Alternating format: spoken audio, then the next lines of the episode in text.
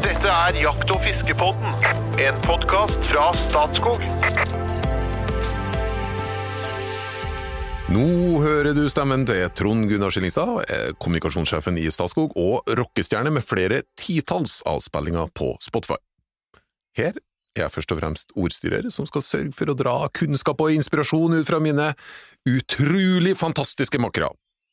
Da snakker vi blant annet om eh, han som spiller bluesgitar langs livets landevei mens han smeller sammen noen lekkerbiskener på kjøkkenet, eller kanskje han lager ei bok, eller kanskje han står i solnedgangen med sin elskede fluestang og jakter på sjøørreten, radiostemmen fra Asker, informasjonssjefen i Norges Jeger og Fisk, og Jakt- og fiskebondens egen kunstnersjel, Espen Farstad, hjertelig velkommen. Tusen takk. Lytterspørsmål-episoder, Ja. det scorer du fra én til ti. Ja, nei, det er en høy tier. Høy- Dette, høy- det, høy det er det beste. Det har vi sagt, vi, Ja. liker, vi liker det. Høy tier. Ja. Og da over til den litt mer syndige karen fra Solør, som, i motsetning til Espen, gjerne kan sitte i flere døgn på jakt og kose seg gløgg i hjel i sitt eget selskap. Gjennom egen erfaring, er en mannsalder og enorm teoretisk ballast, er han tryggheten sjøl når vi kommer til spørsmålet om jakt i denne podkasten. Fagsjefen i Statskog og vår egen rypedoktor, Jo Inge Breisjøberget, hjertelig velkommen. Tusen takk. Lytterspørsmål-episoder fra Ja. 1 til 10. Høg tier. Høg tier. Ja. Selv om det litt, gjør deg litt urolig. Ja, men det går. Det går. Ja, det er bra. Det er bra. Skal vi bare gå rett på? Det, Kjør på. vi har ganske mange, men eh, Per Arne Haga har kommet med spørsmål som jeg ikke kan noen ting om. Så jeg, jeg, det er nesten så jeg ikke skjønner spørsmålet engang, for det handler om sluktid. Og han, eh, for en abbor- og gjeddefisker, det handler om sluktida for en abbor- og gjeddefisker. Eh, han har hørt at sluktida kan være ca. hver 14. dag. Når jeg tenkte på det, så tenkte jeg sluktid det er hvor, hvor lenge sluken er i vann, eller sånt, men det kan jo ikke være, for den er vel ikke i vann i 14 dager. Så eh, kan dere hjelpe meg litt, Per Arne Haga, hvilket spørsmål er han egentlig stiller? Sluktid hver 14. dag, kan det være sant?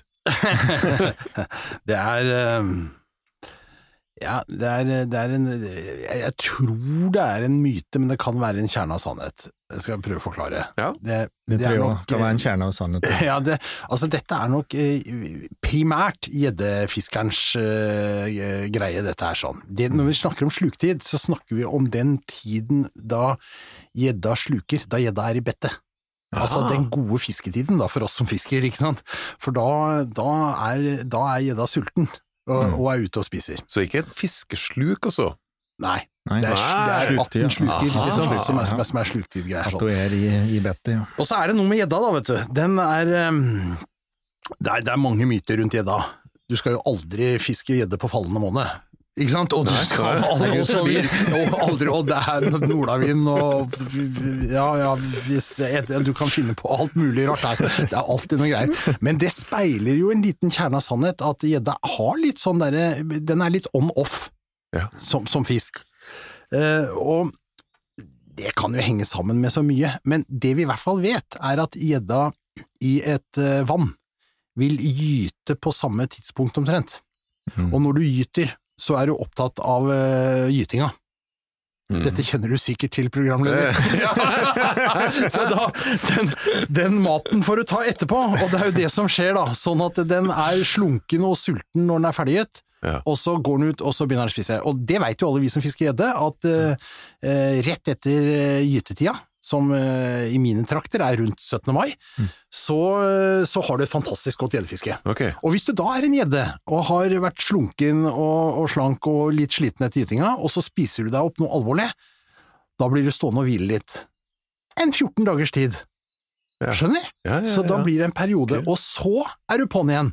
Og derfor så kan du Det kan være én forklaring da på at du får litt sånn sluktid. Jeg har hørt andre som sier at gjedda feller tenner, og at, eh, at, at, og at han er øm i tannkjøttet i gommen, liksom, oh, ja. og, er, og at derfor blir det en forsinkelse. Jeg, det er vel eh, Ja, jeg vet ikke om jeg er rett til å svare på det, men at det er en viss sånn sluktid på gjedda, det er riktig. Ja. Eh, og at du kan få en sånn intervall som selvfølgelig vil vanne seg ut utover sommeren, ikke sant? Men rett etter gytinga så vil du sikkert ha litt sånn markante av på, og så etter hvert så flater dette litt ut. Mm, mm. Du tror du kan si at Gjedde langt på vei har slukt i hele året, men at det, det er perioder det er litt mindre, da. Mm. Og jeg er jo opptatt av å ete. og eh, det, når jeg vokste opp og hørte om sluktida, så var det i all hovedsak den perioden etter gytinga, da. Ja. De sto liksom og lurka og ventet på litt bedre vann, og så gikk de inn på å oversvømme evjer og jorder og, og grasbakker og slik, og, uh, for å gyte. Da. Ja. Så når de var ferdig med det, så var det jo bedt på dem. Ja.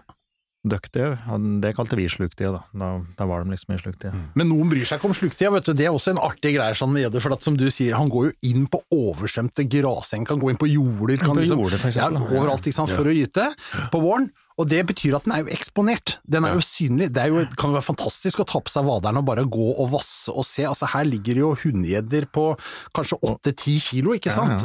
Svære fisker, ikke sant? Inne på, på grunt vann. Du ser dem jo. Og, og, og hanngjeddene rundt og sånn, de der svære. Og når de, hvis du skremmer ei sånn gjedde inn på en halvmeter vann og den tar av gårde, da skal jeg se da vassføyka står. Og noen utnytta jo det til å jakte gjedde med gevær, eller Ja, hagle. ikke sant? Ja. Å skyte gjedde. Og dette har vi jo, vi har jo vært innom det før, men det er liksom det er den eneste aktiviteten som du kan gjøre med haglegevær som krever at du løser fiskekort. Ja, ja for, for det er per definisjon fiske, nemlig. Sant? Så det styres av lakse- og innlandsfiskeloven.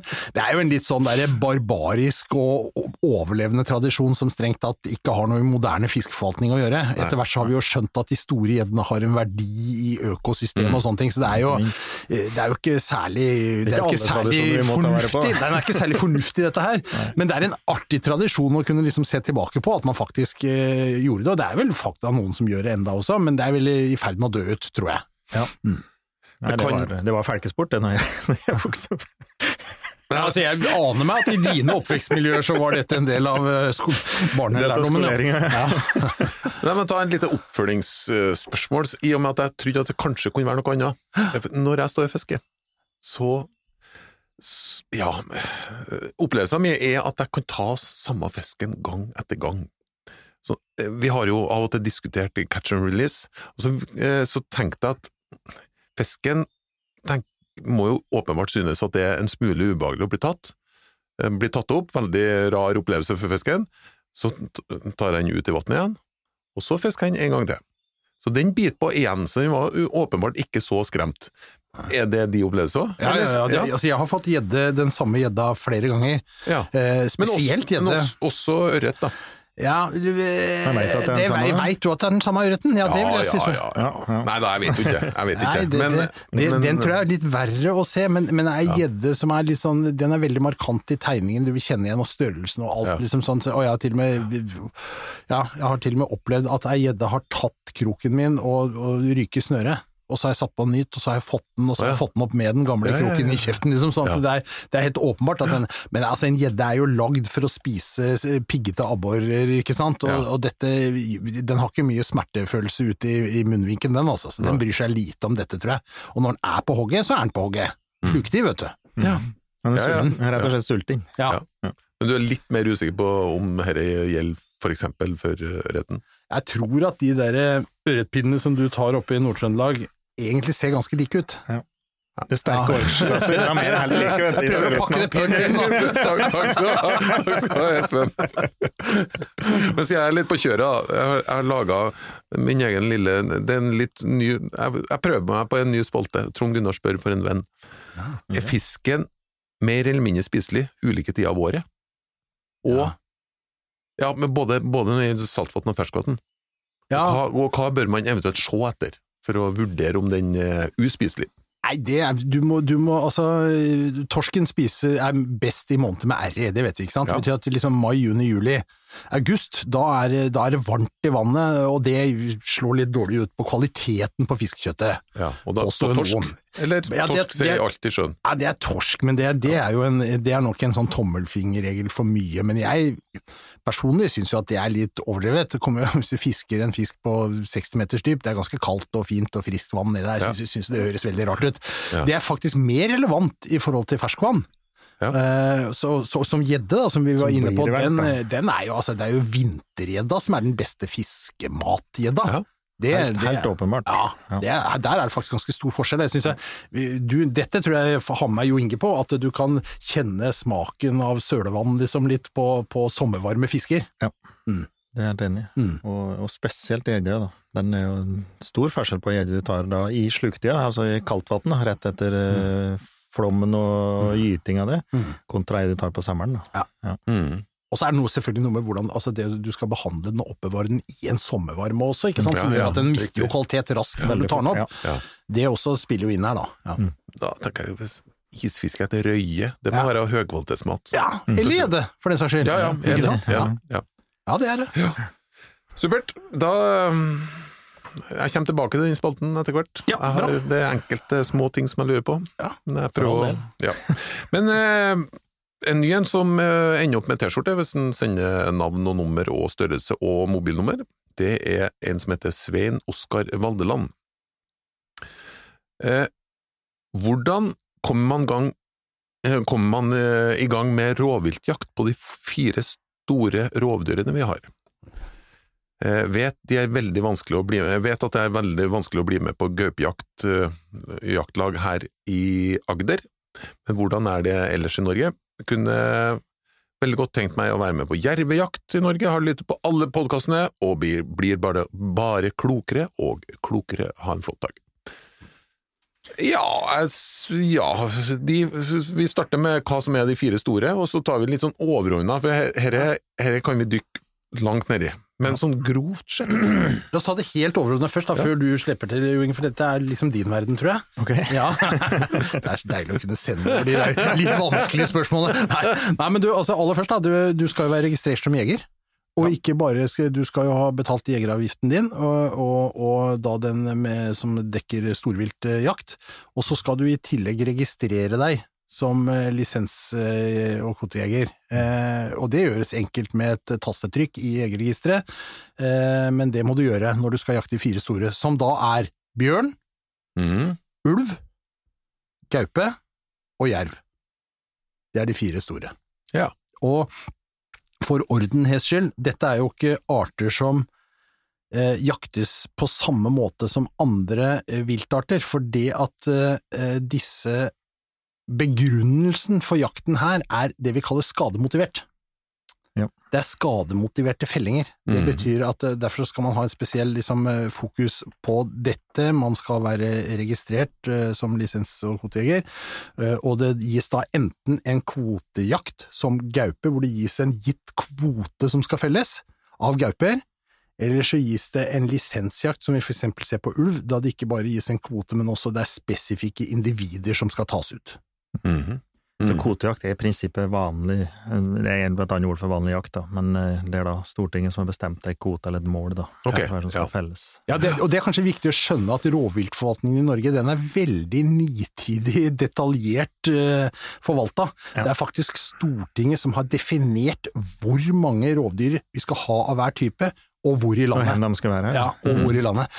Så, så det er en veldig detaljert uh, forvaltning. Landet er delt inn i rovviltregioner, som får sine, da eksempel gaupe, som det var snakk om her, kvoter på gaupe, ut fra et ønske om et nasjonalt bestandsmål som skal være så så stort, så så mange familiegrupper med gaupe, og så er det fordelt rundt på regionene, og ut fra det, og de tellingene og registreringene som man da har, og det eksempel på gaupe, det går, Norge gås opp og ned på langs av folk på gaupesporing gjennom vinteren, som vi kartlegger, kjenner gaupebestanden. Det skal være dokumentert et nivå på Ynglinger. antall gauper, ynglinger, ja, i et område, før det da løses ut en kvote på, la oss si, fire gauper i rovviltregionen der og der. Mm. Så dette er veldig nitidig, eh, detaljstyrt forvaltning. Mm. Men, men så har da, Espen, du som er kokk, podkastens kokk, eh, bjørnekjøtt har jeg spist. Mm. Går det an å spise det andre? Jerv, gaupe, Gaupe, bjørn, du? eh, ulv? Ja, egentlig, egentlig ikke, vil jeg svare. Du, du kan, men det, det, er, det, er, det er liksom ikke Og det er ikke der motivet for denne jakten ligger, og det var litt av poenget jeg sa om at dette er en skademotivert felling, egentlig. Mhm. Mm. Og du kan jo ete alt. Altså, jeg har jo pratet med folk som jobber på Vitenskapsmuseet, liksom har prøvd alt, og som prøvesmaker alt sammen. Du kan jo Mm. ete alt. Men uh, jeg har sett oppskrifter på gaupe i svenskejakt, for eksempel. Og, og i USA vet jeg jo at de eh, Jeg har sett at de serverer bobkatt eller gaupe, da. Men det som Espen sier, det er jo ikke det som er motivet, i utgangspunktet, å ete dem. Eh, ikke hørt noen ting om eh, her ulv- og jervsmaker, men det blir jo her du eter, da. Kanskje han smaker ræv. Ja. Det kan kan være. Men hvordan Men ja, hvordan Ja, ja, ja, han Svein er Oskar har lyst til å være med? Hva, hva i verden gjør han For da? det som Espen sier, det er to forskjellige. Da. Det ene er kvotejakt, som da er på gaupe, og så er det lisensfelling eller skadefelling på de andre. Ja.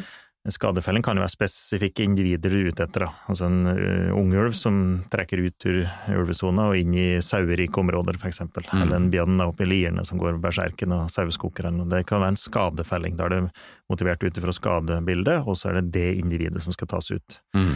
For å bli med på det, så er det i all hovedsak lokale skadefellingslag.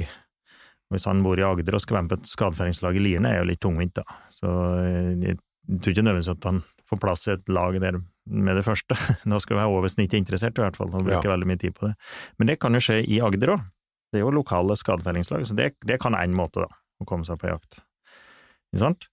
Eh, Det andre er da Ja, men eh, kan man- kan man sjekke ut med Det er i kommunen, da. Det er Ja, organisert i hver kommune, det. Ja. Så det vil han vite hvis han eh, tar kontakt med den som har ansvar for viltsaker i kommunen, mm. der han bor. Så vil han finne ut av det, om det er organisert. Og det vil jeg tro det er, for det har vært en del eh, skadefellinger faktisk i Agder, da. Mm. På gaupe og jerv, da. Og ulv. Og ulv òg, ja. Ja. Ok. Mm. Ja. Av en eller annen grunn så har en del av disse ulva eh, Vi har jo ulvesone, som i prinsippet går øst for Glomma, opp til Engerdalen. Eh, og våre ungulver de har en tendens til å reise østover, mens svenske ungulver har en tendens til å komme vestover. Okay. Og så går de gjennom ulvesona, der er det i all hovedsak fullt i ulv, og så ender de opp med å gå igjennom, da, og så havner de mer, eh, hva skal jeg si Ja, de går til Vegårshei. Ja, går til De, de, de Ja, går til Vegårshei, det, det, ja, og det er veldig rart, og de går jo løyper, det er jo helt forutsigbart Kan, kan felge på samme sted, rett og slett. Ja. De må jo krysse E6-en, da. De må krysse motorvei, og de må krysse Mjøsa på et eller annet vis. Ja. Men de kommer da stort sett nedom, og da gjennom Oslomarka, vil jeg tro, og så havner de opp i Vegårshei. Ja. Og så blir de felt noen steder i nærheten der, for de er skadet i, i en saueflokk, for eksempel. da. Ja. Så det er ei greie, og det er faktisk mulig å få til da, for han som bor der i Agder. Mm -hmm. Det andre er jo lisensfelling, da. Altså vanlig ordinær lisensfelling. Og da kanskje for det enkleste å komme seg med på, er kanskje jerv, da. Det er jo Vi har jo en kvote på jerv som ikke fyller med jakt. Og vi klarer ikke å ta ut måte, den kvota som er satt, og så blir det da gjort eh, fellingen til SNO, da. Altså går inn og så gjør hiuttak. Oi, ja. Og det er en riktig. styggedom som de fleste ikke vil drive på med, men som faktisk blir gjort for å oppfylle de måla, da. Om å ta Ja. ut en del av kvota. Ja, så Der burde vi oppfordre til mer jervejakt for, for eh, på en måte å hva skal vi si, gjøre dette på best mulig måte. Alle, alle er enige om at uh, jakt er den beste måten å gjøre det på. Mm. Uh, og det er lett å bruke åte på jerv, Mm. og det er jo lett å bruke felle, faktisk. Det er, men det er jo krav til ettersyn og alt det her, da. Men for å være helt konkret, da, han bor i Agder. Eh, Jeg vet at Statskog forvalter eh, grunn eh, på Sørlandet, i Njørdalheim. Kan, man, eh, kan han peke seg ut et område der og dra på jervejakt der? Ja, hvis det hadde vært lisensjakter, så kunne han. Ja. Og det eneste som kreves da, er vårt rovviltkort, og at han har det alt det andre på plass, da. Mm. Lisens. Uh, huketå. For all del, husk på huketå for lisensjakt. Ja. Det, du blir etters godt da i alle sømmer. Mm. Mm. Jeg vært en som hadde glemt å haketa, hadde haket av for ulv og ulv og bjørn, og ikke jerv, og skjøt en jerv. Det fikk etterspill, da. ja, okay. Mm. Og det var med en ren forglemmelse. Ja. Så det er jo kanskje den enkleste saken for ham. I forhold til ulv og bjørn, så er det eh, ja, det er lenge siden jeg vet at det har blitt felt noen eh, bjørn på ordinær lisensjakt, i Agder i hvert fall. Mhm. og ikke ulv heller. Det er jo da mer i øst, da, i Hedmark, stort sett. Det finnes soner eller kjerneområder for bjørn og for ulv. Eh, Hvordan er det med jerv og gaupe? Er det noe, er det noe inndeling om hvor man ønsker å ha gaupe og ikke ønsker å ha gaupen? Og jerv? Ja, det, det er jo det, da. Og det er ganske komplisert. Ja. Altså, ulvesona er, hvis vi generaliserte, så sa jeg fra Engerdalen og på østsida av Glomma. Men så er det jo definert da kjerneområdet for bjørn og jerv, og så gaupe er det så og så mange ynglinger i hele landet. Og dette er jo helt klart definerte områder. Altså, der jeg bor, da, så er det øst og vest for Glomma. Så er det ulvesona på østsida, Mhm. og skal det ikke være fast etablering til ulv på vestsida. Det kan jo være ulv der for det. Ja, ja. Og så er eh, nabokommunen, den er da med i sona, mens ikke min kommune, for eksempel. Det, det her begynner å bli ganske intrikate regler, ja. Mm, mm. Jeg vil anbefale, hvis man er litt nysgjerrig på dette og tenkte at dette var jo egentlig litt interessant eller artig, eller vil grave litt i det, gå på rovdata.no. Ja.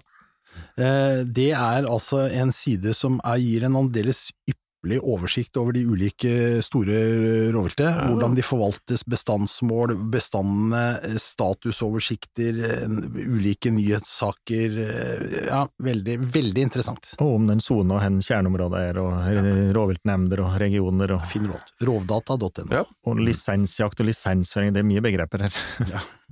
Da, Svein Oskar, da håper jeg du fikk gode råd. I tillegg så kan du da lese videre på rovdata.no, og ikke å forglemme, når du går rundt etter hvert her nå med din nye Jakt- og fiskepodden-T-skjorte, så kan du stolt vise den frem. Eh, den nye spalten Trond Gunnar spør for en venn, så vi skal bare litt ned på de enkle, nære ting. Hvor ofte bør jeg skifte snøret på snella mi? Og bør jeg skylle den etter hver gang jeg har vært i saltvann? Ja. Ja. For å svare på det siste først, ja, det, det skal du. Det, Ja. det er en gang, altså, salt er jo veldig ødeleggende på all, alt metall og all met mekanikk og Generelt, alt sånt. ja. Ja, så det er bare å skylle og holde på, liksom. Det er bare sånn biler blir sånn ut, det, at du kjører en inter på salte veier. Ja. Nei, jeg fyller bare ei bøtte med vann, og så setter jeg haspelsnella nedi, og så sveiver jeg inn eh, noen gode runder, så du får dratt saltvann gjennom systemet, nei, ferskvann gjennom systemet, og da, da er det så god som ny. Ja. Så det, det er selvfølgelig, det må du gjøre. Hva var det første spørsmålet? Ja, det var det. Skifte snøre. bør jeg- skifte snøre? Ja. Nei, det, det kommer litt an på hva slags snøre du har. Mm. det gjør det. Eh, og vi, det, vi har jo hatt inn eh, disse sportsfiskeekspertene våre som kaller det monofilament Ja, og multifilament. Og det, er jo, det er jo noen jålebukker, selvfølgelig. vi snakker jo om nylonscene, vi andre. Ja. Så, eller vanlig scene, som vi kanskje kan se. Vanlig fiskescene. Den skal du egentlig skifte en gang i året. For det, det, det er nylon, det, den råtner faktisk litt. Så, Ja. Og særlig men Og også- han er utsatt for ja, sol. særlig for sol. ja. Men hvis du river av de ytterste ti meterne og kapper det, så kommer du langt. Ja, okay, Men, men det er klart, da, igjen, da, du, da har du ikke optimalt med snøre på en, på en haspelsnelle, for det er litt viktig i forhold til kastelengden, ikke sant? Ja, Så du, du kan vel egentlig, ja, du som er statsansatt har vel råd til å kjøpe deg et, et mul, multifilamentsnøre òg, du! Ja, ja for de, de er ikke så sårbare for dette, det, det holder, holder lenger. Okay. Men ny, vanlig nylonsnøre, egentlig skifte en gang i året eller noe der omkring. Jeg glemte hva multifilament var for noe. Eller Flette scene, da. Det er Ja, altså, egentlig flere Nylonsnøre fortsatt? Nei, den det laget av noe, ja. eh, Karbon. karbon Ja, det er noe sånn karbonfibergreier, og det er utrolig sterkt glatt og, og effektivt. Eh, Men det var, jeg husker og, og, helt stu, og helt stumt. Nei, jeg liker Ja. ikke for det er helt stumt. Det, er- altså, det er Ja. dødt. Det er dødt snøre. Mm. Sånn at eh, du, du kan si at du, da kjenner du jo napp og alt sånt veldig direkte, men det blir nesten for meg Jeg er jo vokst opp med vanlig nylonsnøre og syns at det skal være litt svikt i stanga og svikt i snøret, og jeg skal kunne gi et ordentlig tilslag med litt kraftig arm, Mm. Ja. ikke sant? Mens her, det, det, det stiller jo krav til endring, og der er vi jo ikke gode. Nei, så, så det er vel litt er der, de, da. er de jo litt mer utsatt for skader, altså gnisse over stein og slik, så Ja, de er litt sårbare for de er akkurat litt det. mer sårbare der. Men apropos sårbarhet, er klar for eh, litt vanskelige valg? Er litt sårbare. Ja. Ja, er vi. Eh, Espen først. Ja. Ligge i snøhule og høre på trønderrock nonstop i en uke, eller gå med button med påskriften 'Ja til vindkraft på land' i ett år. Ja, nei, men den siste kan jeg gjerne gjøre, for da, kan, da så, så tar jeg debatten, da, vet du. Og så lar jeg meg overtale, Ja, og så er jeg en hyggelig fyr. Ja. Ja, det er uten tvil. Vi kjører bøtten. Vi kjører button, ja. Ja, det er ingen som ser den på Finnskogen Nei, men da, da skal vi lage den button. Ok, nummer to. Jobbe som gravemaskinfører, eller som hogstmaskinfører. Nei, det må bli gravemaskin. Det, det tror jeg er gøy, jeg. Ja, ja det er, men jeg tror begge kanskje. Så det dette var et sånt positivt valg. Eh, Jeg liker jo ikke å hogge skogen med hogstmaskin, så, men man må grave litt. du, med den. Det liker du. Du liker ikke i hele tatt, kanskje. Nei, vi går videre. Ja, nei, den, det ble vanskelig. Jeg, jeg har jo Du gravemaskin har jo begge deler. Ja, og jeg har kjørt, eh, kjørt en del lastebærere, det er jo jævlig moro. med en skogsmaskin Jeg får være i skoga i stedet for å sitte på en eller annen eh, litt traurig eh, anleggsplass. Nei, da tror jeg heller jeg har kjørt skogsmaskin. Altså. Ja. Ja. Jeg tror begge eh, Men det er gærartig å grave, altså. Det kan anbefales. Hvis du ikke har noe annet Neste å gjøre, gang jeg kommer på besøk, Jo Inge, da har jeg lyst til å prøve spesielle graven? gravemaskinene, kjenner jeg. Ja. Kjørt litt rundt på gårdsplassen der. Ja. Krevd litt. Akkurat. Kan du være med du, Espen? Det er veldig hyggelig her i guttepodden. det ble veldig, ble veldig gutte her nå, altså. Kan, jeg- Jeg har en til, da. ja, ok, for det, de førte meg nesten inn i en limerick, men jeg kan vente. jeg. Nei da, for du greier sikkert en overgang her òg. Du mister ev enten evnen til å snakke, eller evnen til å høre. Ja, det, Hva vil du mest? Ja, men jeg hører jo ikke allikevel. Nei, evnen til å snakke, den må jeg ha. Ja. Så du beholder snakketøyet, Ja, men jeg- det meste hørsla. Ja. Nei, jeg beholder hørselen. Ja, du beholder hørsla. Jeg er avhengig av å høre. Nei, jeg kunne tenkt meg det. Og da tenker jeg, hvilken overgang greier du å få til nå, Nei, det var dette med guttepodden. Jeg syns det Ja, blei det veldig går. guttete her med gravemaskiner og svære maskiner inni skauen. Og veivals og greier. Ja, og så, så problemet, og, men dette er jo et kjent problem fra jegerverden, at, eh, at det er litt guttete. Vi er jo, det er jo det er jo også og Frimurlosjen, pleier jeg å si, som klarer å holde jentene unna. Nei, vi gjør ikke det, da. Men vi er Jenten kommer jo, Det er fremdeles Ja. Det er jo gravemaskiner og skogsmaskiner. Det som forening av rike folk. Ja, så jeg har laga meg en liten sang her som heter Singeljakt i fjellheimen. En, en, en, singel- en singel reinsjeger fra Gimle ønsket fjellet av jentejegere skulle vrimle. Men selv med Tinder i fjellet, det eneste han kan melde er om den dagen han skjøt seg i simle. Oh. det er vakkert, vet du. Det er vakkert òg nå! Ja, det, det var er vakkert. fint. Det var vakkert. Ja. Det kan vi like. Ja ja. Over til Simen Viker Brekke. Han har kontaktet oss via Messenger. Går det an nå? Ja. Det er noe nytt som har kommet, Jo Inge. Takk for en herlig podkast. Kjapt spørsmål. I en tidligere episode nevnte rypedoktoren at han hadde fått, fått ut en rustfast choke fra hagla si. Choke. Her er jeg veldig, med store bokstaver, eh, takknemlig om han kunne fortalt hvordan han gikk frem. Jeg har nemlig to stykk som sitter bom fast. Oi, oi, oi. Det var første del. Ja. Vær så god, Jo Inge. Kan, vi må bare skyte inn en ting, at, at vi etter den episoden der eh, etablerte den spalten som het Vi legger oss helt flate. Ikke sant? For vi fikk jo kjeft av en kunnskapsrik lytter som sa at eh, her bruker man ikke Jeg sa vel kanskje at du sprayer på noe CRC eller et eller annet sånt. Du skal bruke feit Ja. på sjåken. Ja, Ja. Så det, og det hadde han jo helt rett i, selvfølgelig, sånn at vi la oss helt flate. Ja, og han, han laga faktisk en video med det, Ja, ja. og sendte inn. Ja.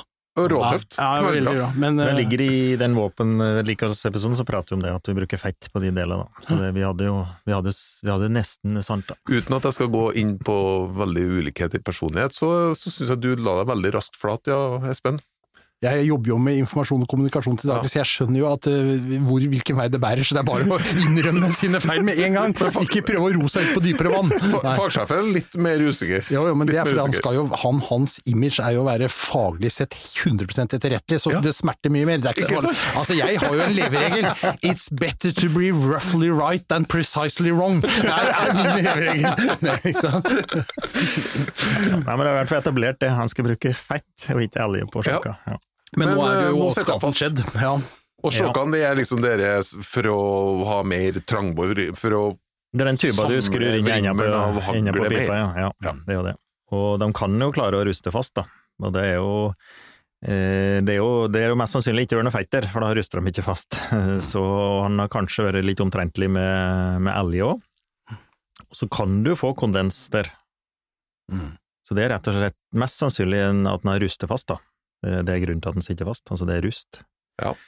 Eh, Det var det jo det som skjedde med min. Sjøl med feit så klarer den faktisk å ruste fast. Eh, Så det går an, men eh, da har du ikke gjort en bra nok jobb, da.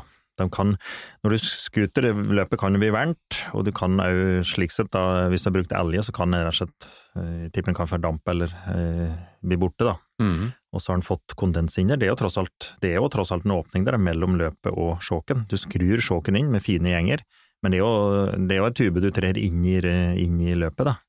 Så det er jo mulighet til å få inn fuktigheter. Mm. Mhm. litt. Eh, Og ikke minst kan du, ha- hvis du har ikke brukt noe elg eller feit i det hele tatt, da, og tatt på sjokken, kan være nok til at eh, fingeravtrykket ditt har eh, sett og sett ja, feit eller vann, da. Så han har rett og slett rustet fast. Og Mm. det jeg måtte gjøre, var jo å bruke makt, rett og slett. Eh, Vi klarer å løsne den med makt. Du har jo en sjåknøkkel som sitter i et spor i enden her. Og så skal det sånn her bare skrus tur, og den skal jo ikke sitte hardt.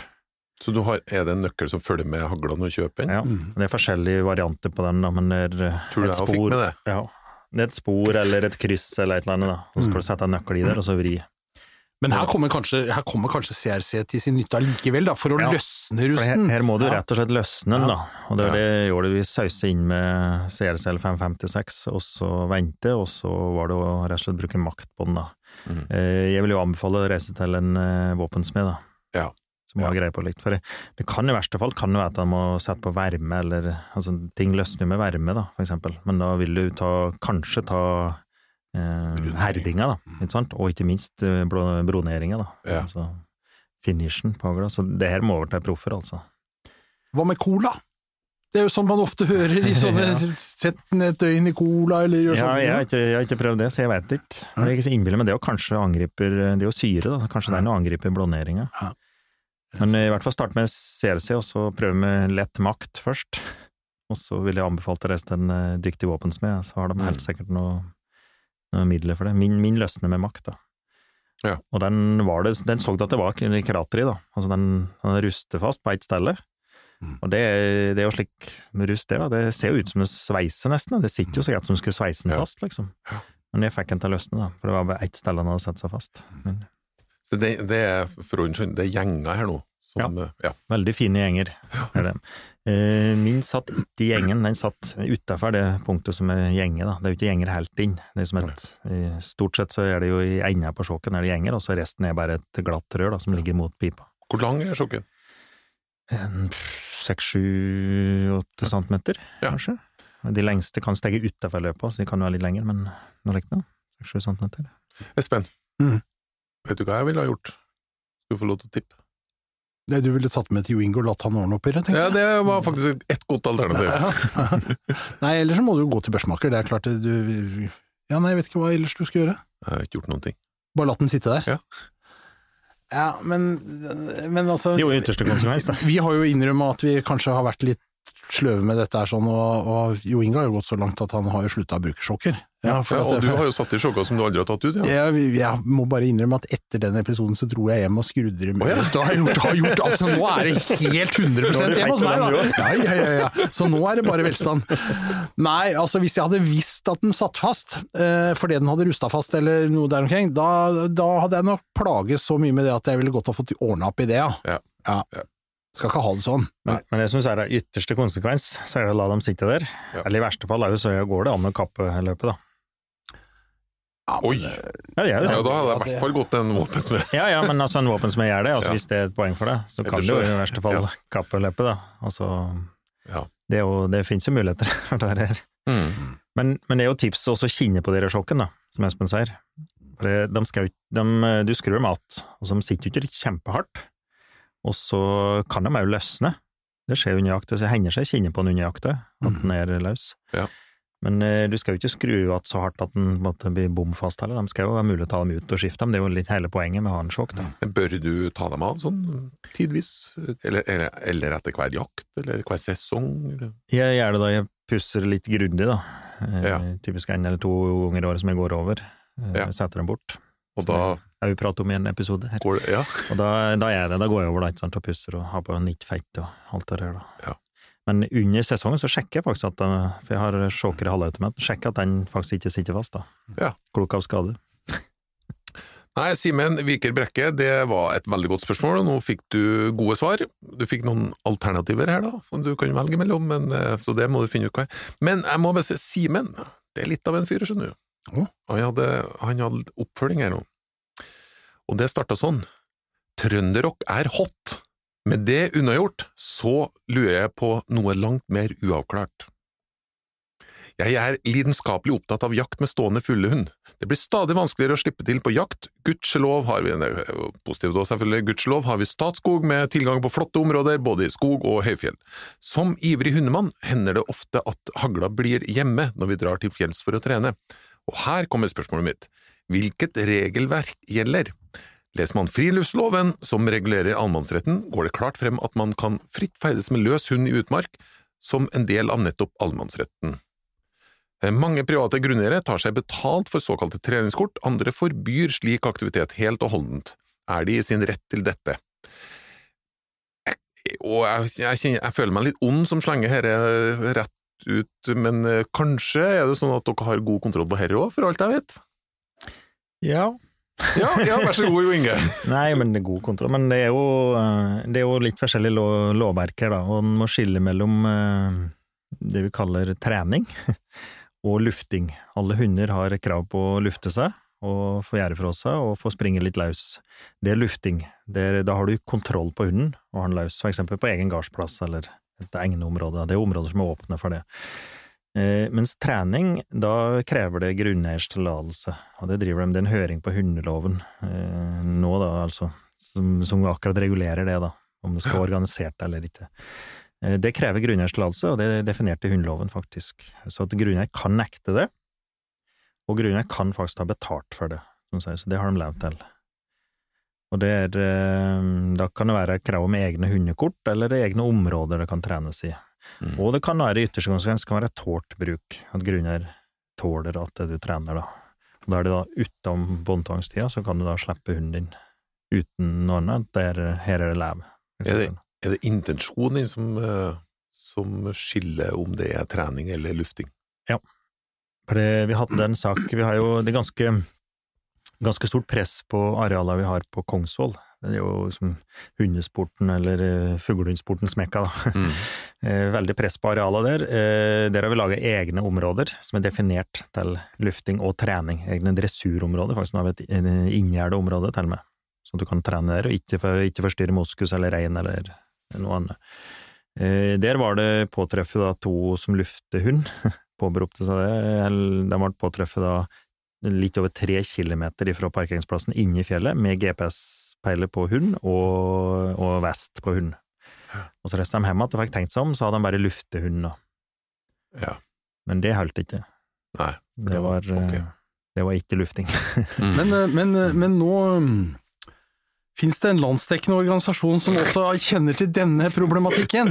Jo, jo, jo, men, men i, Bra, Espen. i Jeger og Fisk så har vi opptatt av dette, liksom, og det kan være litt sånn, i båndfangstperioden så kan det være litt utfordrende å, å holde jaktfunden i form, ikke sant? Det, men det finnes da flere lufteområder og treningsområder for jakthund, der du kan slippe hunden, og det har vi en komplett oversikt over. Er det noen over. som har oversikt over det? Ja? Ja, på våre hjemmesider så finner du dette.